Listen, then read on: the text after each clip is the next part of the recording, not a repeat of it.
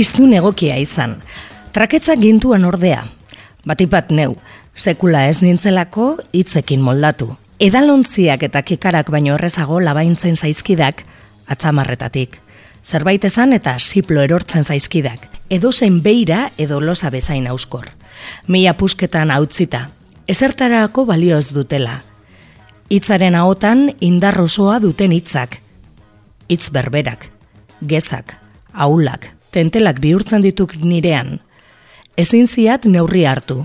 Gehiegi egitz egiten diat edo, bestela gutxiegi. Edo zein modutan desego kiroen beti. Narraz, zer kontatu diatiri. Muturra berotzen zaidak eta horrazten nauk, hitz eta pitz. Arrokeriak edo isuak bultzatuta. Berrik eta soro bati lotzen natzaiok, gehienetan ondorio tamalgarriak izaten dituena. Ik beste inor baino hobeto dakianez. Hitzak arriskutsuak dituk. Kontu handiz erabili beharrekoak. Drogak eta pistolak bezala, zauritu zezakete. Hil ere egin zezaketek. Eta posointzuak izan daitezke, horregaitik horiek menderatzea ezagok edonoren esku. Nik inoiz izan ez dudan argitasuna behar dut. Itz bakoitzak eragin dezakeenaz jakitun izan hitz bakoitzaren balioaz eta indarraz, eta hitz asko zagok, mota askotakoak, maiu hitzak zeudek, laban hitzak sorrotzak, susko hitzak eta isostzekoak. Denetarik, eta horietako bat nahikoa duk, atzera egiteko izango ez duen ondamendiren bat eragiteko.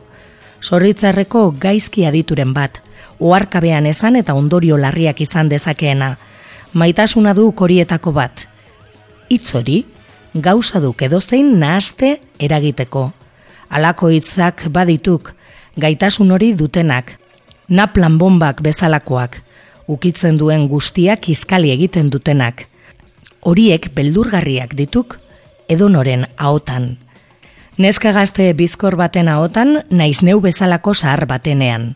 Berdin ziok, ahoa zabaldu eta hor zoazak, mingarri, zuntzigarri, beldurgarri, ahoskatu arte ederra izandakoa zapustera. Hala duk, okerrena aldiz, zera duk. Batzuetan ez dela ez da hitzen beharrik ere, edertasun bikain hori kakasteko. Mingarriari eragin gabe, ere lortu alduk. Keinu itzuraz, kalte gabe bat nahikoa. Esku baten mugimendua. Begiratasun bat.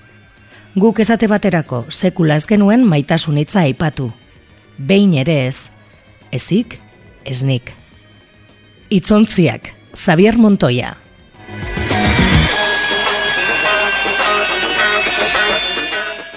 Kafek ikara eskuan dugula eta itzontziak novela eskuan dugula, abiatzen dugu Bilbo iria irratiko kultur artefaktua. Hauze, Piperpolis duzue. Ongi etorri.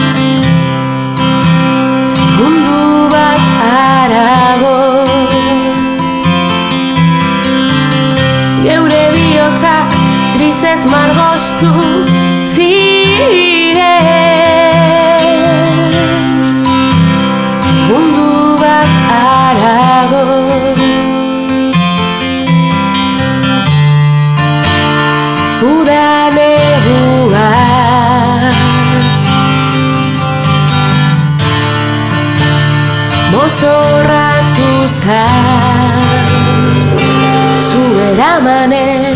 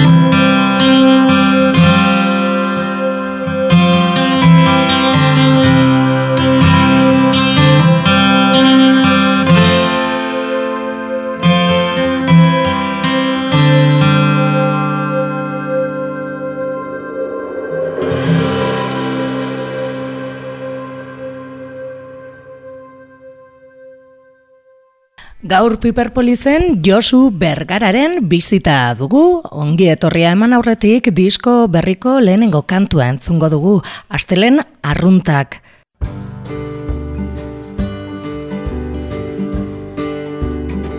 Hau bai astelen arrunta. Iri grisaren magalean Semaforoak tardarka.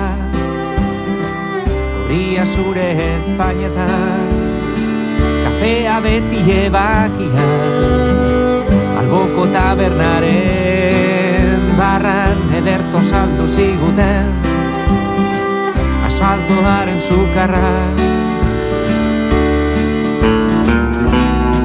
Begiak itxita Iru segunduko Amets laburra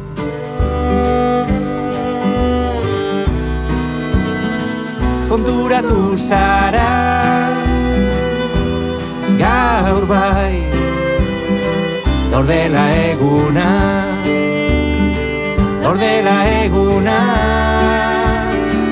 Eta mundua biraka Goizetik gauera Izarrak tatuajean dantzan Zure besoetan Eta urrutira begira. Harrapatzen zaitu danean Bizitza eskarregi doa Bizitza eskarregi doa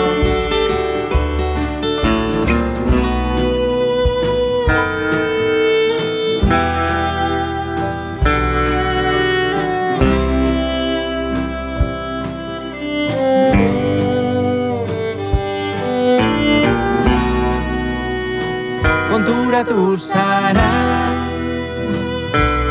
Gaur bai Gaur dela eguna Gaur dela eguna.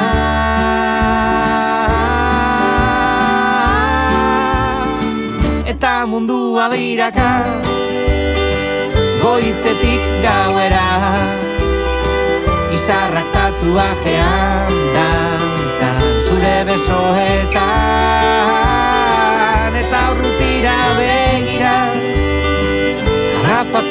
zaitu danean Bizitza azkarregi doa Bizitza azkarregi doa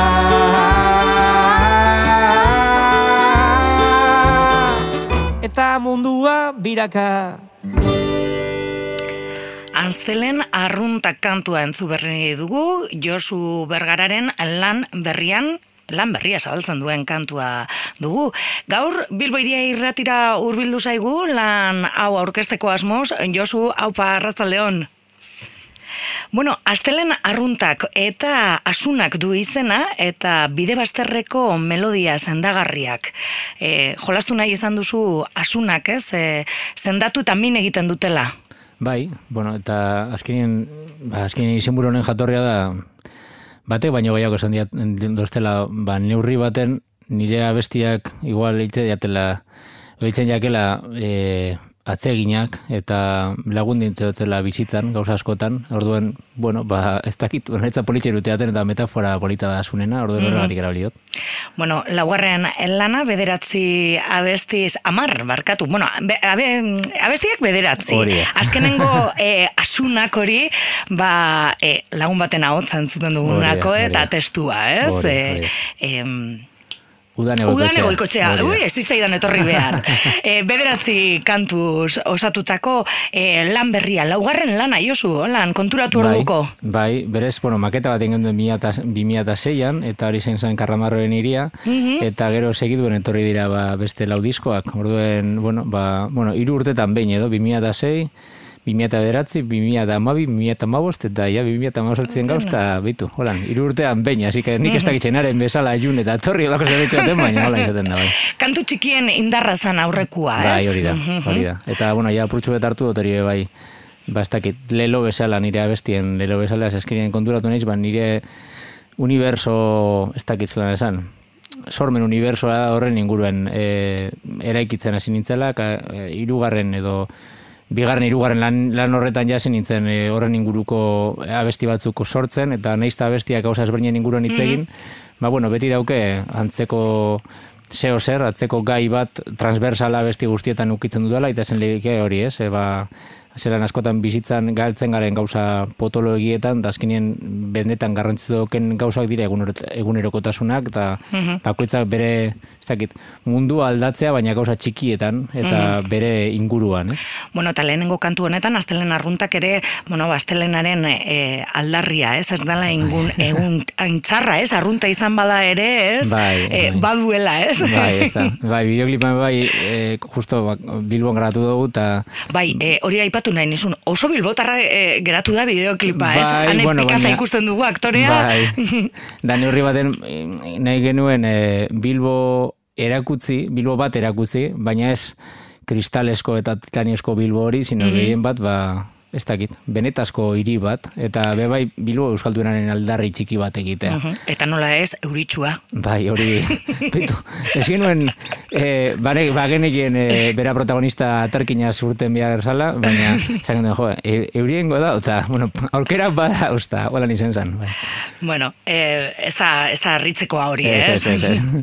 bueno, lehenengo kantu hori irekitzen duen, disko berri hau irekitzen duena, eh, aipatu dugu, eh, baina, eh, bueno, ba, zu bakarrik agertzen zara eh, izenburuan, ez? Josu Bergaralez, Bai. baina eh, talde handia eh, zarete, eta hori ere kontatu behar da, ez? Bai, bueno, azkenien e, e, dela bi disko ja, e, Katiuska Gorria diskoan, nire alberdirekin e, kolaboratzen hasi nintzen, eta azken gure sormen prozesua berezia da. E, zergaitik, ez ditugulako abestiak lokalean eraikitzen, sino nik aldez aurretik ekite ditut oinarriak, letrak eta musika, hasierako melodiak, gero nereari pasatzen dizkiot, eta berak egiten dagoena da, komposatu.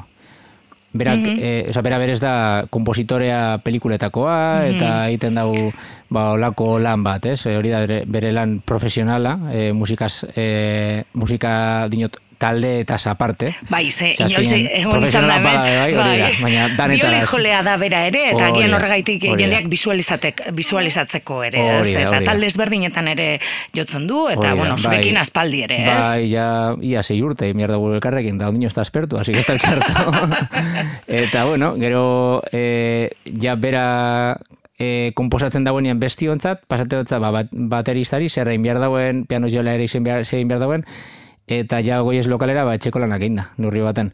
Orduan, bueno, horrek egiten dau, e, buru bi, bi buruen artean pentsatzen ditugula bestiak, gero danok e, gure esatitxo pasa, e, bueno, be, gure ekarpena egiten dugu, baina bai, azkenean esango nuke, neko abesti e, plurala geratzen dira, heterogeneoak, baina neurri handi baten be bai, e, danak markatzen dituela estilo bat. Izalda, izalikena, ba, nik aportatzen dio dela toke folkeroa, akustikoa, kantautorearena, eta nereak, ba, bere, e, ez dakit, bere iturriak, bere iturri, sormen iturriak, izan likela bluegrass, swing, Orduen, bueno, ez dakit, ni oso posino maitzagaz, porque ikusten dut, eskinien badara ezberdina euskal gintzan eta euskal musikan askotan errepikatzen ez dana, eta toketxu opurtxu beste kolore bat ematen digula. Ez hobeago, ez txarrago, baina ezberdina gurea. Bueno, eta zuretzako ere, zure etxean ere, sortzen den kantu hori ez, Bai. gogo hori ez, Bai. e, zerbait kantatzeko, gero nola, e, bueno, eraldatzen joaten dan, prozesu hori ere aberazgarria izango da, ez, Bai. azkenean, ba, nerearen ikutuarekin, eta gero jabandar e, e, dekin, ba, bueno, Bai, egia esateko, ba, askotan, And. Nik beti itxen dutena da, gordetze dute zor nere ordenagailuan dano bezala, eskarpetatan, ez? Orduen, e, jartzen dut, ba, etxekoak, lokalekoak, nerearenak, ez dakiz, eta gero entzute dut ez, eta ez jo, hau ez da horren beste aldatu, hau zenbat aldatu dan, ez? E, zelako mutazio euki dagoen, eta kantu batzutan, adibidez, astelan runta kantuan, nik egindako hasieran eta gero izan dana nahiko e, antzekoa izan da. Baina badaude beste beste batzuk, adibidez on-off, jo, kriston e, salto euki dauena, onerako, nire ustez. Baina bai, batzutan ba, aldatzen da, beste estilo bat, adibidez hor, David e, Sánchez Damian, me bai produktore lanetan ibiltzen dana, ba, berak e, soul puntu bat sartu zion ezberdina, eta Bueno, ba, azken nik e, horren beste entzuten ez ditudan musika estiloak, ba, eraldatze ditu, ez? Gero batzutan ez dezu jo, eta hau zelan dugu zuzenekoan. Eta, ba, adibidez, diskoaren grabaketa prozesuan horregatik egin dugu apurtxu berezia, zuzenen, zuzenean grabatu dugu. Ze guretzat hori izan bai errenka bat, ez egitea, ba, bueno. Tomaka esaten dena, da, pistaka, ez? Pistaka, e, sinoketanak batera, bat biru grabatu. Egia da, e, baten grabatu beharrean, abesti bakoitze igual lau bost bider grabatu dugula, eta gero aukeratu dugu onena. Orduan, bueno, purtsu bet, trampa purtsu bet egin dugu, ez, ez da a la Ez da no, hori da, bat. baina, baina bai egia da, bihar genduena, ba hori, naturaltasun hori, ba, zelan elkartzen garen instrumentuen artean, zelako inertzia dauden, orduen, ba, normalen metronomo batekin egiten dana, edo klaketa batekin plan, plan, plan, lan segiduan, ba, igual denborak ez ditu gorren beste respetatu, baina bestakit gozotasun edo naturaltasun hori igartzen da.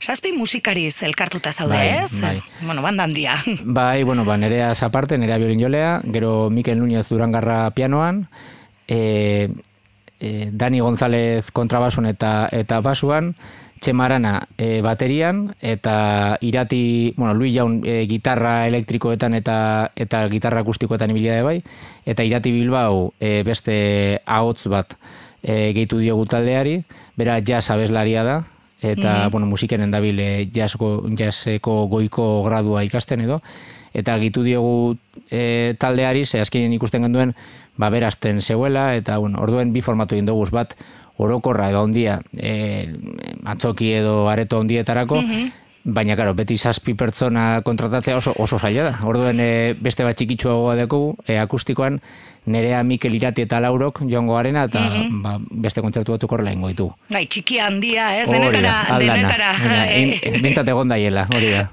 Bueno, aipatu zu irati ez, e, irati hotzetan entzuten dugu, Hori da. baina e, raiko ere entzuten dugu kantu batean. Bai, gero daudez e, kolaborazioak. Orduen, mm die, ba, apurtxu bat taldeaz aparte, ba, gehitu direnak proiektura e, puntualki abesti baten, ez? Orduen, hor dau e, Raiko Sánchez e, gaur goizean abestian, rap satitxu batein Eta dagoena. nahuena, bai. Eta, bueno, nahiko kuriosoa geratu da, porque azken da, ba, kantautore musika bat, gehi, de repente, ore, rap bat, ez? Orduen, apurtxu bat, igual jendeak lehenengo entzuten aldian esango da, jau zer da.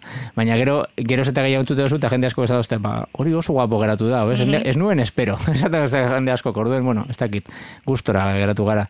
Eta gero beste abesti bat dugu dala, nik uste dut, izango da besti bat, bebai, jendeak espero ez duena, ze apurtxu bat gai berezi bat dauko, eta gabonetako besti bat. Eta hor dago naroa gaintza bezlaria, nire herrikoa dana, eta iekoa, eta gero dau ieko eako kantu poteoko taldea. Mm. Orden, otorri ziren e, estudiora, gero batera grabatzera, Bai, bai, hogei bai. bat herritar, eta boneko kurioso geratu da. Eta horrekin batera trikitilaria gaizka peñafiel. Etxera, etxe honetan da, Etxe kantu hori ez? Bai, bai, bai, bai, bai, bai. Bai, horren jatorria da, nik eh, nire izeko eta, e, bueno, e, aitzitzen e, e, arrebak eta beraien etxien edo baserri zen eukien e, olako e, esaldi bat sarreran, jartzen zuena, etxe honetan sartzen dana, etxekotzat hartzen da. Orduen horretan oinarrituta, e, ba, estribilloa edo sortu neuen, eta nik uste neko esaldi euskaldun edala neurri baten azkenean beti esan dugu Oso ongi etorri ona da, eh? Hori da. Eta azkenean holan izan dela, be bai, ez? Neurri handi, handi baten, ba, azkenean, e, e, ez dakit, ez totzat e, gabonen kutsu erligios hori begira, sino que, ba, azkenean dela, e, ba, familikoek eta herritarregaz egoteko momentu bat, baina be bai, kanpotik etorten danari, ba, ongi etorri emoteko puntu bat. Bueno, ba, etxe honetan entzun egingo dugu Venga,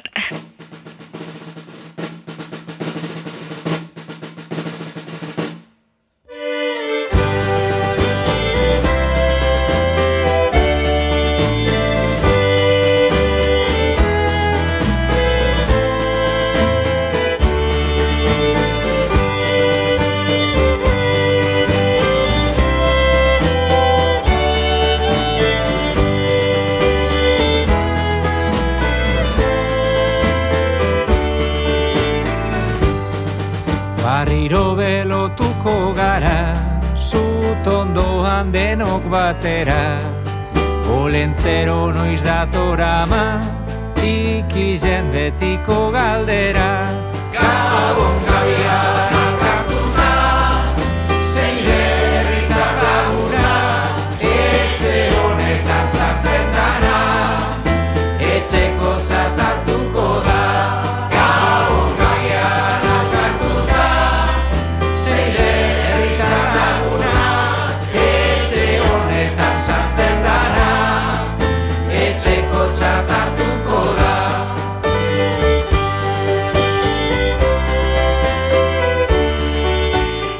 honetan kantua entzuten ari ginen, e, Josu Bergararen disko berrian aurkitzen dugun kantuetako bat. Aipatu diguzu lehen, e, tio peten grabatu duzuela, bari ez, berezia izan dela, zuzeneko, e, bueno, kontzertu baten antzera, ez, esango Bai, gendu, bai, baina estudio, e, antzeko zerbait izaten da, ez, baina e, estudioan, ez dakit lehen aldia esan, holan lan egiten zenutelan, e, edo, Berez, aurreko diskoan, e, kantu txikien indarran, e, egin genduen e, zuzenekoa grabatu Bilboko kafean zokian. bai, egia da, Baina hor bai zen, zuzenekoa, zuzenekoa. E, baina egize da, abesti amalo abesti zirela, eta horietako lehenengo amarrak e, berriak ziren. Mhm. Orden, eh, askotan taldeak egiten dute zuzeneko bat, grabateko, ba, tipo, ba, abesti sarrekin, ez? Zaharrekin, bai, rekopilatorioa esaten Hori da. Hori da, hori da. Ba, kasu honetan egin genduen, e, bueno, e, holan ikusten genduelako, eta eta sala modu bat, zeo zer berezia egiteko gure jendearekin. Azkenean, azken jende asko, behintzat, bueno, azken aldian, azkenek urtien ni kontzertu gitxeo modotez, baina urte askotan emodotez, hogeta hamar kontzertu inguru urtero, orduen, jende asko ohituta zegoen gu ikusten, edo, edo ni nerea, Mikel eta beste batzuekin ikusten, e, ba, hiru lau pertsonen formatuan eta eta bai gure izan den duen ba, momentu horretan kafeantzokiko hori egiteko ba, beste formatu bat e, erakusteko, ez? Orduen hor ba, soka laukote bat, beste historia bat sartu genduen eta oso politxe geratu zen. Hori garatu genduen bai e, entzuteko CD-an eta gero bai YouTubeen eskegi genduen bai, bideoekin eta bar, eh? Bai. mhm. Eta kasu honetan ezberdinen dugu ja banda formatua sortu dugu eta banda formatu hori apurtxu bat ezberdin izango da, ez da osoko laukoterik zeo zer lirikoagoa eta egin, izan duguna da bestakit, beste toke bat emon, ba hori jazz, blues hori tokea deukena, e, kontrabajoaz, e, ba beste, beste gitarra elektriko batzuk jarri dizkio, sartu dizkio, baina dira iku, aintzineko ikutua dauken gitarra batzuk eta lan, eta, eta da gehien bat zuzenekoetara begira. Orduan, bueno, azkenean ikusi dugu gustatzen zaigula horrela grabatzea, eta, eta bueno, azkenean bilatu behar duzu zure, zeure formatua grabatzeko, eta, bueno, dauko be historia, beste arrazoi bat, eh? Eta, bueno, lehiak konfiantzan gozon, basalduko zu bai. Eta da, e, ni hori, bueno, aitatasunaren kontura, esteko telagoko horren beste denbora. Hori izan behar nizun, aber june dan eh, horren guztiaren eh, Bai, bai, eta badeuko beran, beran ardura. eh. Kantua ere egin diozulako. Hori da. Eta kontu da, ez totela heltzen danera, orduan esan eman, joe, basaiatuko gara diskoa grabaten, asteburu baten, asteburu blokeatzen, eta Ja. asteburua grabaten. Eta ez ba, eta egia esateko oso gustora nabil e, emaitzagaz, porque batzuetan egite duzuz pistaz pista, eta egiten die disko batzuk taratezula sei hilabete edo urte bete, eta, bueno, kasu honetan, e, egin dugu tita, ba, hiru lau egunetan, Bai, grabaketa. ez duzula hartu hilabete oso bat estudioan Ez, ez, ez. egoteko, ez? Eta hor, Ez, bueno, Ze azkenean bakoitza beren ardura daukaz, eta nik daukote oin, oin bat ba, garrantzitsua eta e, horre izin deskapa. Eta, eta oso gustora, eta bueno, e, aprobetsa duguz, ba, bueno, dana egiteko e, ostira arratzalde batetik, edo pariko arratzaldetik, e, domeka arratzaldera, dana grabo genduen, gero nahasketak edizioak eta gauzak egin duguz, baina printzipioz, ba, egoteko bertan, hola egin genduen. horrek esan nahi du, e, behin grabaketara joan da, denok ondo, etxekolanak ondo eginda, Bai, eroan bai, behar bai. direzala, ez? Bai, bai, horri nintzen hilatigoak inapurtxu bat, dan, dan hori, mese, bueno, latigoak ino doztak, latigoak niri, niri buruari mototzak, baina bai, ez mesedez ikasi eta dana, dana zuzen eroen, eta ez, mentzat esan, esan behar dut oso duin zutela dana eta eta politxo. Asko ikasten da, disko batetik bestera, e, disko bakoitza e, sortzerak orduan edo diferentea da. Bueno, ba, nire kasuen e, nik e, nire abestiak oinarritze ditut e, kasu gehienetan nire esperientzia pertsonaletan. Orduen e, nire bizitza aldatzen doa. Eta danon bizitzak aldatzen doaz, ez? Orduen e, nik esango nuke abesti diskoenen abestiak egin ditudan e, denboran edo Baina hogeta mazortzi urte deko daz. Eta lehenengo diskoan nituen e, hogeta iru, ez dakit, osak itxi. Orduen e, ba, pertsona ezberdinanaz, eta, eta asko aldatzen da, gero bai, hasikeretan ez dakizu zer gure dozun, ez dakizu hain argi, eta oin nik nahiko argi doko daz gauza batzuk. Beste batzuk ez deko tiari pez, baina batzuk oso. Esaterako zer daukazu ai, argiago orain, Ba, hasieran asko baino. gustaten jatela so, soinu garbia, e, elektrizitate gitxi sartzea, e, teknika, e, hau da, unplug hori amerikarrak esaten da, esaten da benaz, hau da, desentxufatuta. Hori asko gustatzen zait. E, realea, e, benetekotasuna. E, zete importa horren beste entzuten danian igual akatzak entzutea hotzan edo ez dakit dan igu- adi- grabaketan da askotan e, teknikariak obsesiona dira P-ekin eta S-ekin eta alako Bai, izkide ez? batzuekin, ez? Nire ez da horre, ez da horren beste ardura. Ardura ez dena da naturala izatea eta jendeantzat benetakotasun hori ez galtzea. Zer nik uste dut azkenean gauza zintzoak egiten dienean eta garbiak egiten dienean, ba, naiz eta ez dira akatza, baina e, gauza natural batzuk hartzen direnean, ba, normal, e, e, holan e, hartzen dira eta eta gustagarriagoa dira, ez dakit. Orduan hori adibidez nahiko argi daukot. Ez da gutxi hori argi eukitzea, ez, eh? ez, ez da, ez da, ez. Gero beste gauza batzutan dudak etorriko dira, Bai, baina... bai, bai, bai. bueno, eta hitzei dagokion, ez, ez, aipatu duzu lehen, eh, kontatu diguzu, ez, kanta txikien daukaten indarra, ez, eh, kontu txikie hoiek, manola gero gainera, bilakatu daitezkeen eh, handiak, ez, eh, letrei dagokionez, suposatzen dut, ba, ikusita, eh, bueno, eh, etxe honetan komentatu dugu, baita ere, juneren kantua, ez, alabari Bai. eginiko kantua, astelen arruntak, bueno, egunerokotasunean gertatzen zaizkizunen inguruan, Bai, gero beste besti badago dala udaberriko haikuak edo jaikuak, ondo ez dakitzen ondo esaten dan, baina hor dire e, ni poesia idazten dut bai, eta dire ba, poema txiki batzuk, e, prinsipioz udaberri baten oinarritzen diena, eta da neska baten historioa ies egiten duena.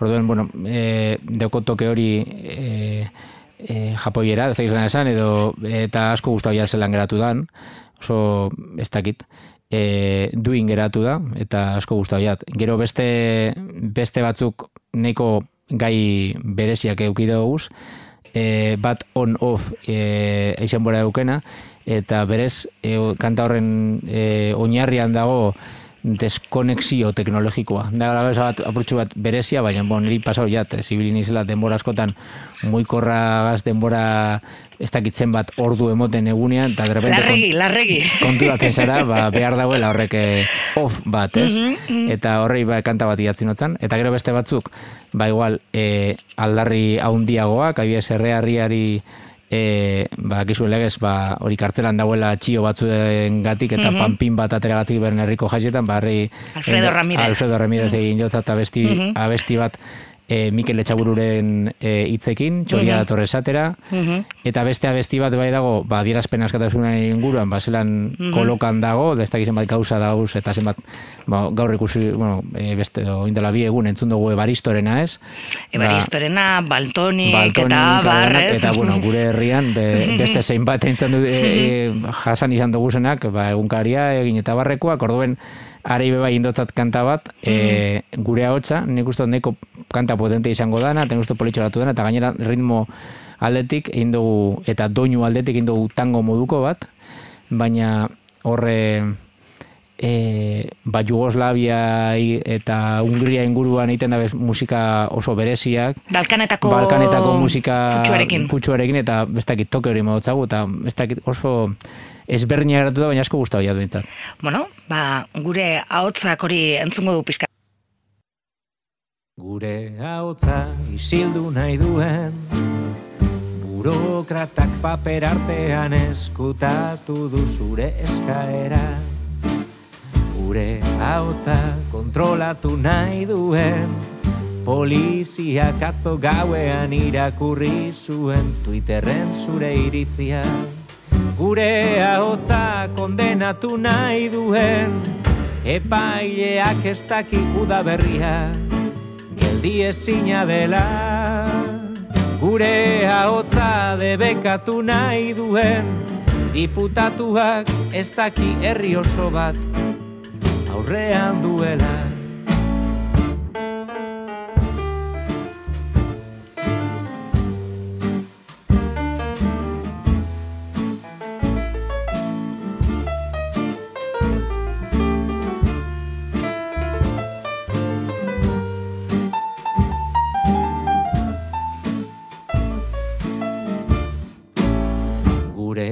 Gure ahotza merke saldu nahi duen. Bankeroak epe luzerako hipotekatu du. Bere bihotza gure ahotza ezabatu nahi duten. Panfletoan gaur berriz argitaratu dute asalean gezurra. Gure ahotza kondenatu nahi duen. Epaileak ez daki udaberria Geldi ezina dela Gure ahotza debekatu nahi duen. Diputatuak ez daki herri oso bat Aurrean duela Gure ahotzak e, Josu Bergararen lan berrian topatzen dugun kantuetako bat, gaur bide lagun daukagu Bilbo iria irratian, eta kantu ez gain, e, banda sortu, baina hori dena gero eder batean jarri behar da, ez? Disko batean, naiz eta gaur egun ez dakit objektuak indarra galtzen ari den, baina egia esan horre ere esfortzua egin duzu ez, eta Sara Prietok egindako ba, ilustrazio eder batek e, ba, biltzen du, ez? Zango gendun, e, kantu guzti, biltzen ditu kantu guztiak. Bai, bueno, Sararen lana, indala urte batzuk ezagutu nituen, Sararen lanak, eta e, aurreko diskoan ere bera izan zen ilustratzailea. Mhm. Orduan, neurri baten disko bada kantatxikien indarraren e, jarraipen artistiko bat. Orduen argi neukan bera izan behar zala diskoaren ilustratzailea. Beraz, berbetan egon nintzen, kontatu nion asunak e, metaforaren historioa, eta bueno, nire beste abesti guztien e, jatorria zein zan, eta nola e, sortu behar genduen, orduan berak egin dauena da, universo grafiko bat prestatu, eta abesti bakoitzari mm, lora edo landara baten e, e, irudia edo eman, ez? Orduan, danetarik agertzen dira, ba, geresi, geresi ondoak, e, ez dakit, alkalandarrak, edo lako beste, beste landara txiki batzuk, asunak, e, oso landara txikitsuak, baina danak horrenan inguruan doi ez, eta gero indauz, o, ez dakit, gizaki txikitsu batzuk izango balira bezala, eta horrek agertzen dira landaretan, ba, e, izango bazan, abestian agertzen diren egoerak edo antzesten. Orduan, asko gustatu zait bere lana, eta gero horretaz aparte, e, koloriekin buelta-buelta ibili gara, zen niri asko gustatzen zait bai artea e, neurri baten, ez naiz e, artista grafiko, baina gustatzen zait. Eta jo, bilatzen genduen kolore apurtxu bete ezberdin bat, eta hor emondio e, urdin argi hori berezia, nik uste dut nahiko deigarri izango dena, eta bintzat oso gustora gaude horregaz. Bai, bai, e, osotasuna ematen diola, ez? E, Bai, zentzua, eta bai. azkenean e, niri gustatzen zait, ba, bintzat grafikak laguntzea ba, mesuari, ez? Eta ez e, jarri hau honengatik edo zergatik, sino bintzat eukidaiela ba, arrazonamendu bat eta logika bat. Mhm. Naiz eta aipatu duan bezala gaur egun, bat, disko objektua Bai. ere, gero, ba, oso jende, baina, bueno, bada ere jendea, bai, ez? E, bueno, ni bintzat bai. nire ikuspegitik guk egiten duguna, e, bueno, nipak izu taupaka elkartean barruan nahuela, orduen... Kultura askea. Hori da, guk egiten duguna da, e, diskoak argitaratu eta zuzenean libre jarri deskargarako. Orduan, niretzat hori abantail bat da, ze jendeak egiten dagoena da, diskoa deskargatu eta entzun. Baina gero, kontzertuetara etort, kontzertuetara etorten da, eta nahizta diskoa ja entzun da eta deskargatuta e, izan, jende askok, bastakit fetitxe moduen edo dana dalakoa, erosten dau. Bueno, lan hau ikusita normala da, ez? Bueno, bintzat, e, guri laguntze osku erosten da benian, e, ba, urrengo diskuak ordaintzeko, zaskenean oso gatza da, eta euskal kulturan oso jende itxi bizi da e, musikatik edo literaturatik, baina bai egia da, ba, proiektua finantzatzeko laguntza badala, eta aukerak motitula beste gauza batzuk egiteko. Eta, eta ni bentsat horrela eraiki izan dut nire, nire karrera e, musikala, eta bentsat funtzionatzen da, neurri handi baten, eta bagoaz aurrera, bentsat. Mhm. Aipatu duzu kontzertuak. Bueno, suposatzen dut, e, bueno, esan duzu, ez? E, orain ere, ba, e, denboraz estuago ibili zarela, Bai. baina suposatzen dut jozu egongo zaretela gogotzu, ez? Holtzara Bai, igotzeko denok bai. elkarrekin, eta Bilbon izango da aurkezpena kafean zokian. Bai, lehenengo kontzertu holan potoloa izango da Bilboko kafe atzokian, ja e, ba, kontzertuan diskoa aurkesteko, da gainera doako sarrera hasi que animatu. Eta, Bueno, ez dago aitzakiarik, Ez dago orduan. ez, ez, ez. Eka, E, ekainan, ez? Ekainaren hogeta baten izango da. e, eta gero hogeta lauean e, nire herriko jaietan, nieko jaietan, Ez dago aitzakiarik ere, ez? bez, ez da bez. Hor beti publiko fidela ukitzen dute, e, e, eskerrak, eskerrak. Bueno, Bilbon ere, ez? Bilbon ere? Bilbon ere, bai, Bilbon, e, bueno, lagun eta jarraitzaile asko, ze azken ni be bai sorpresa sartzen dut, badiez, e, neizta diskoa ondino atara e, ez, ez tan argitaratu ez, ba, ja jaso ditut eskaera batzuk e, internetatik, eta esan dut, jo, ondo da, bintzate sare soletetik ikusten dut jendea jarraitzen dauela, eta eta Bueno, hori ona, Bai, seinale ona. ona, bai. Bai, aurreko edizio, aurreko diskoaren e, lehenengo edizioa agurtu izan, eta bigarren atara genduen ta dan, así que, bueno, ez da txarto, ez da txarto. Bueno, bai, bueno. bai, bai, harrituta gatu nintzen.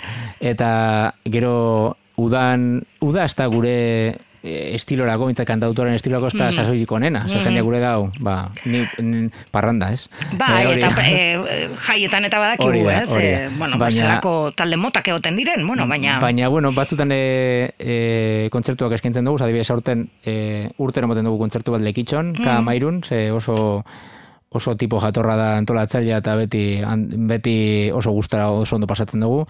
Aurten badakite egongo garela aste nagusian be bai Euskal Gunean, Bilbon, gero e, Markina Semenen irailean Uagonen, Iruñan e, Carmenengo herriko tabernan urrian, bueno, behako us nahiko fetxa. Bueno, badira batzuk, bai, ez? Bai, eta gero urtero adibidez e, joaten az Katalunia aldera Ai, kontzertuak beti egiten duzula, ez? bai. Eusteratxo bat. Bai, Valentziara ere bai, egin ditut lagun asko hain ba, kantautore ezberdinak edo bintzaten estiloko musikariak eta beti gonbiatzen haute ziklo ezberdinetara eta egia esateko ba, gustora egiten dudan gauza bada, porque azken badau jarraitzaile kopuru handia dago han eta kanta batzuk katalanez egin izan ditut aurreko diskotan da beti ez dakit, ondo hartzen gaituzte eta azkenean badakizu ba, antzeko arazoak dituzten herria gara así que neurri handi baten ba, ba musikalki eta kulturalki ba, antzeko gauzak ere ekitzen ditugu bai. E, bueno, gut e, urrenen daukagun datarekin geratuko gara, eta entzuleari hori gogoraraziko diogu ekainaren hogeta batean,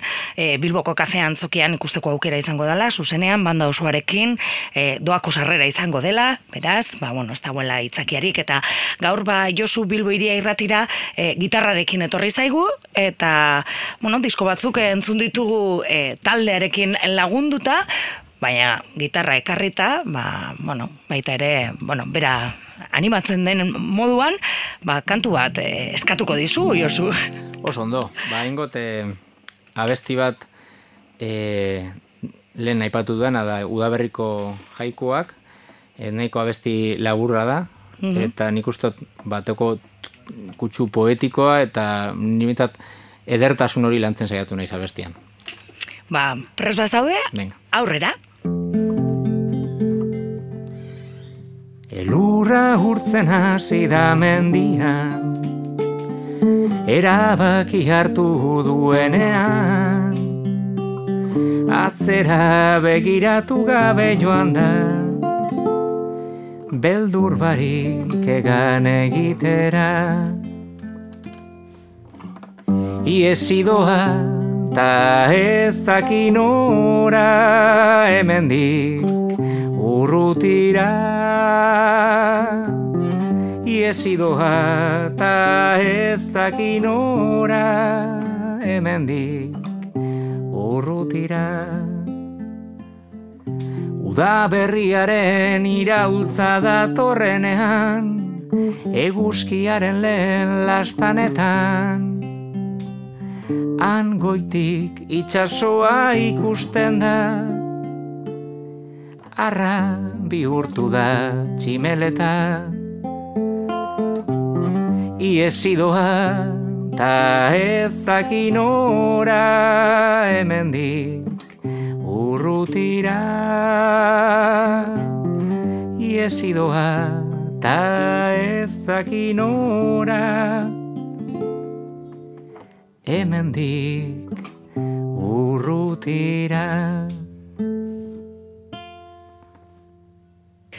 Josu Bergara, zuzenean, Bilboiria irratian, kantu berri hori eskaintzen udaberriko aikuak deiturikoa, ba, placer bat, Josu eskerrik asko, Eskerrik asko zuei. eta esandakoa ba hortxe asunak e, diskoa ekainaren hogeta batean, zuzenean e, Bilboko kafe antzokian.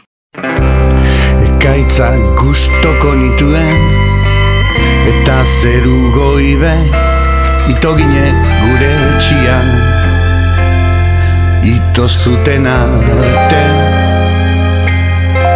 Nire arropa eta zure manera txeginak Ondoratu ziren. Banekien zigorran etorriko zela Hainbeste atsegin antzuaren ostean Eta zerua irekin zenian Bizatita estu hartu zintxudan. Eta zirimolaka marmokak Eta itxasizarrak Ekaitzak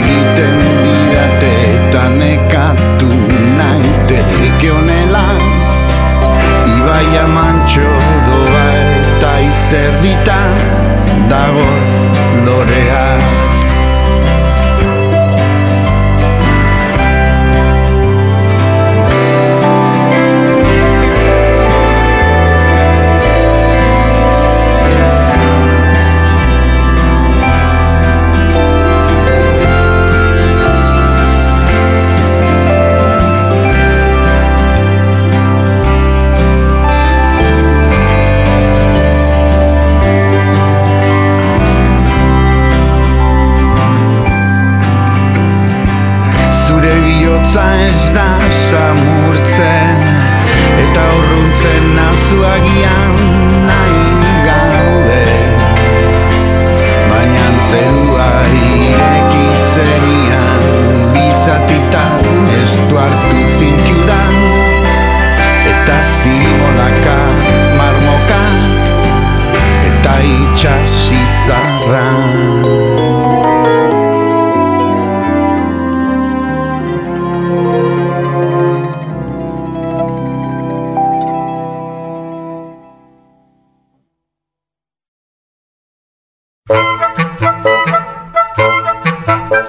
Utopiaren postontzia, Jon Troiope, amabostian behin. Momentu perfektuak, planen burbuia. Planak egitea, ederra da, nork ez du atzegin. Ederrena, planen eraikuntzaren desfasea da. Fantasiaz burutazio guztiak pilatu eta alik eta gehien pustu. Gure planen burbuia. Umetan, esteibideia ilargian egingo genuela uste genuen. Gaur ezinezkoa dela jakinda ere, horrekin ametz egiten jarraitzen dugu. Berdin da, modan dagoena Marte bada ere, eta eskontzeko inongo asmorik ez badugu ere. Ilargian gaupasa egitearekin, ametz egiten dugu oraindik. Gaupasan ez gaudenean ere, horrekin jolasten gara. Momentu perfektua da, eta edo zeinune da, abiatzeko aproposa. Ustezko gauza utzalenentzat zein eginkizun potoloentzat, momentu perfektuaren bila ibili ohi gara. Oparitu diguten diskoa behar bezala entzuteko momentu ezin hobe horren bila. Durangon duela hiru urte erositako liburu potolo superinteresgarria irakurtzeko unea proposaren zain. Eta zenbat eta zenbat dira eskondu, etxea erosi, edota bestelako jarduera postmodernoa burutzeko momentu perfektoa itzaroten dutenak. Paradoxikoa da, ezertarako astirik gabe gabiltzan garaiotan, istante idealaren bila aritzea. Momentua, planifikazio eta kudeaketa gure esku balegolez. Orain, ala inoiz ez, esan beharrean. Biharko beto, egin ditzagun gauzak behar bezala maitea. Horra, analiziaren paralizia. Kartzelan dagoenarentzat, momentu guztiak perfektuak dira barrutik ateratzeko. Esklabuarentzat edo zeinune da, ona jabearen gaindik askatzeko. Errebatek ere ez luke libre izan edo aitortua izateko momentu perfektuaren bila etengabe ibili behar. Benetan aske izan nahi badu behintzat. Pentsamendua eta gogoa akzioa da. Ekintza izan beharko luke. Godoten esperoan baino amaigabeagoa izan daiteke planifikazioa. Vladimir eta Estragoen itxaronaldi absurdua bezain divertigarria zen behintzat. Baina planifikazioaren planifikazioa beste absurdo bat da. Mina ematen duen zentzugabea. Gaitza hau pairatzen duten idealek sama bihurtzearen arriskua dute. Amamari simurrak bezala, gure plan ederrari alde ilunak ateratzen zaizkio. Arriskuak esaleratzen dira. Desamorea eta amorea ematea elkarren eskutik datoz bapatean. Zalantza gehiegi balantzan eta zuaitzetik zagarreik erori ez. Gehiegi itzaroten duenak sufritzeaz asko daki, iaia konformatu beharreko kristauak bezala. Azkenean, momentu aproposaren bilaketaren joan etorriekin, joan dena denbora dela pentsatzen dugu. Baina denbora joan ordez, guk baimenduta lapurtu digute. Denboraren baitzailea, gure planen planifikazio tematiaren zain dago, une oro. Gure oneritziz gure hastiaz elikatzen da. Denbora bereganatzeaz gain, gure ekintzen baitzailea bihurtu da. Astiarekin gizenduz doa, gure akzio ezaz eta denbora zenpatzatu egiten den arte. Momentu perfektuaren bila galdu ditugun momentu perfektu guztiak irentzita. Beta tripontzi jaunak gure denbora makro denbora bihurtu du, eta garaile, barre egiten du momentu oro.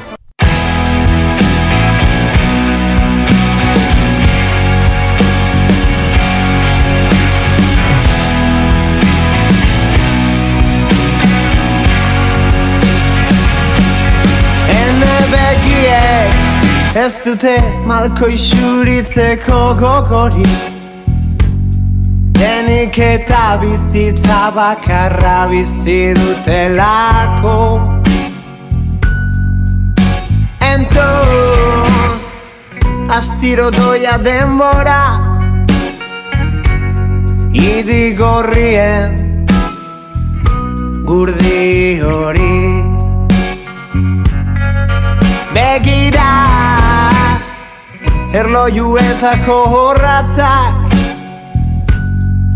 Uneka Uneka erdo hiltzen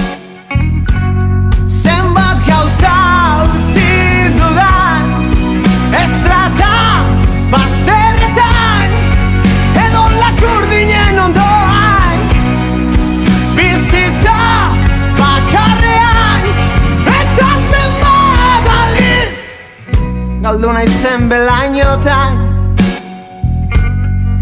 Basoi arrizateko ametxetan Dabiltzan kurloiekin.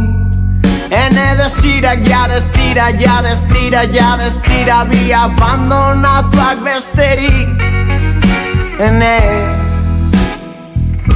bihotzian Eguzkia Gurpila ulbat da Holaxe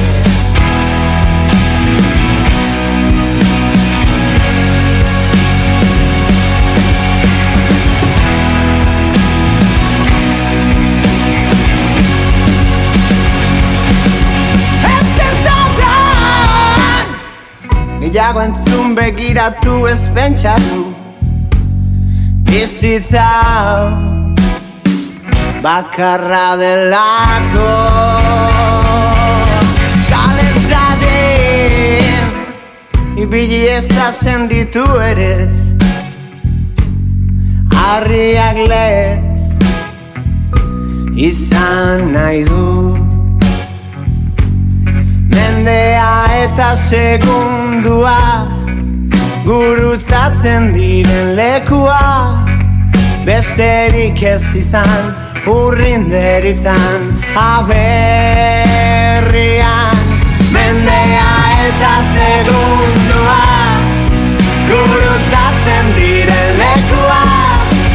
Besterik ez izan urrin deritzan aberrian Mendea eta segundua Gurutzatzen diren lekua Besterik ez izan Urrin deritzan Aberrian.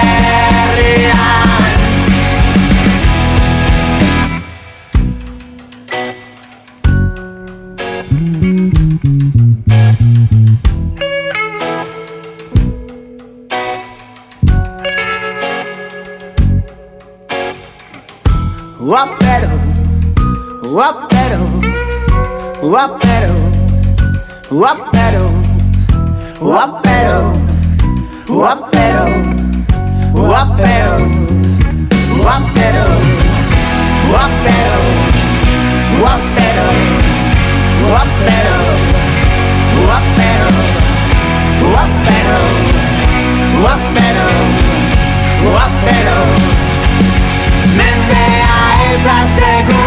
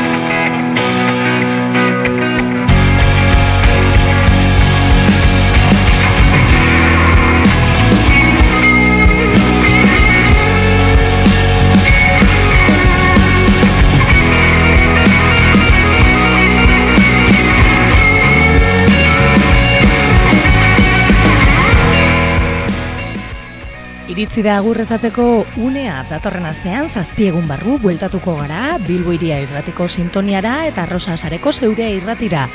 Hiperpolistarrak hemen izango gaituzue. Bitartean bizi pozik agur.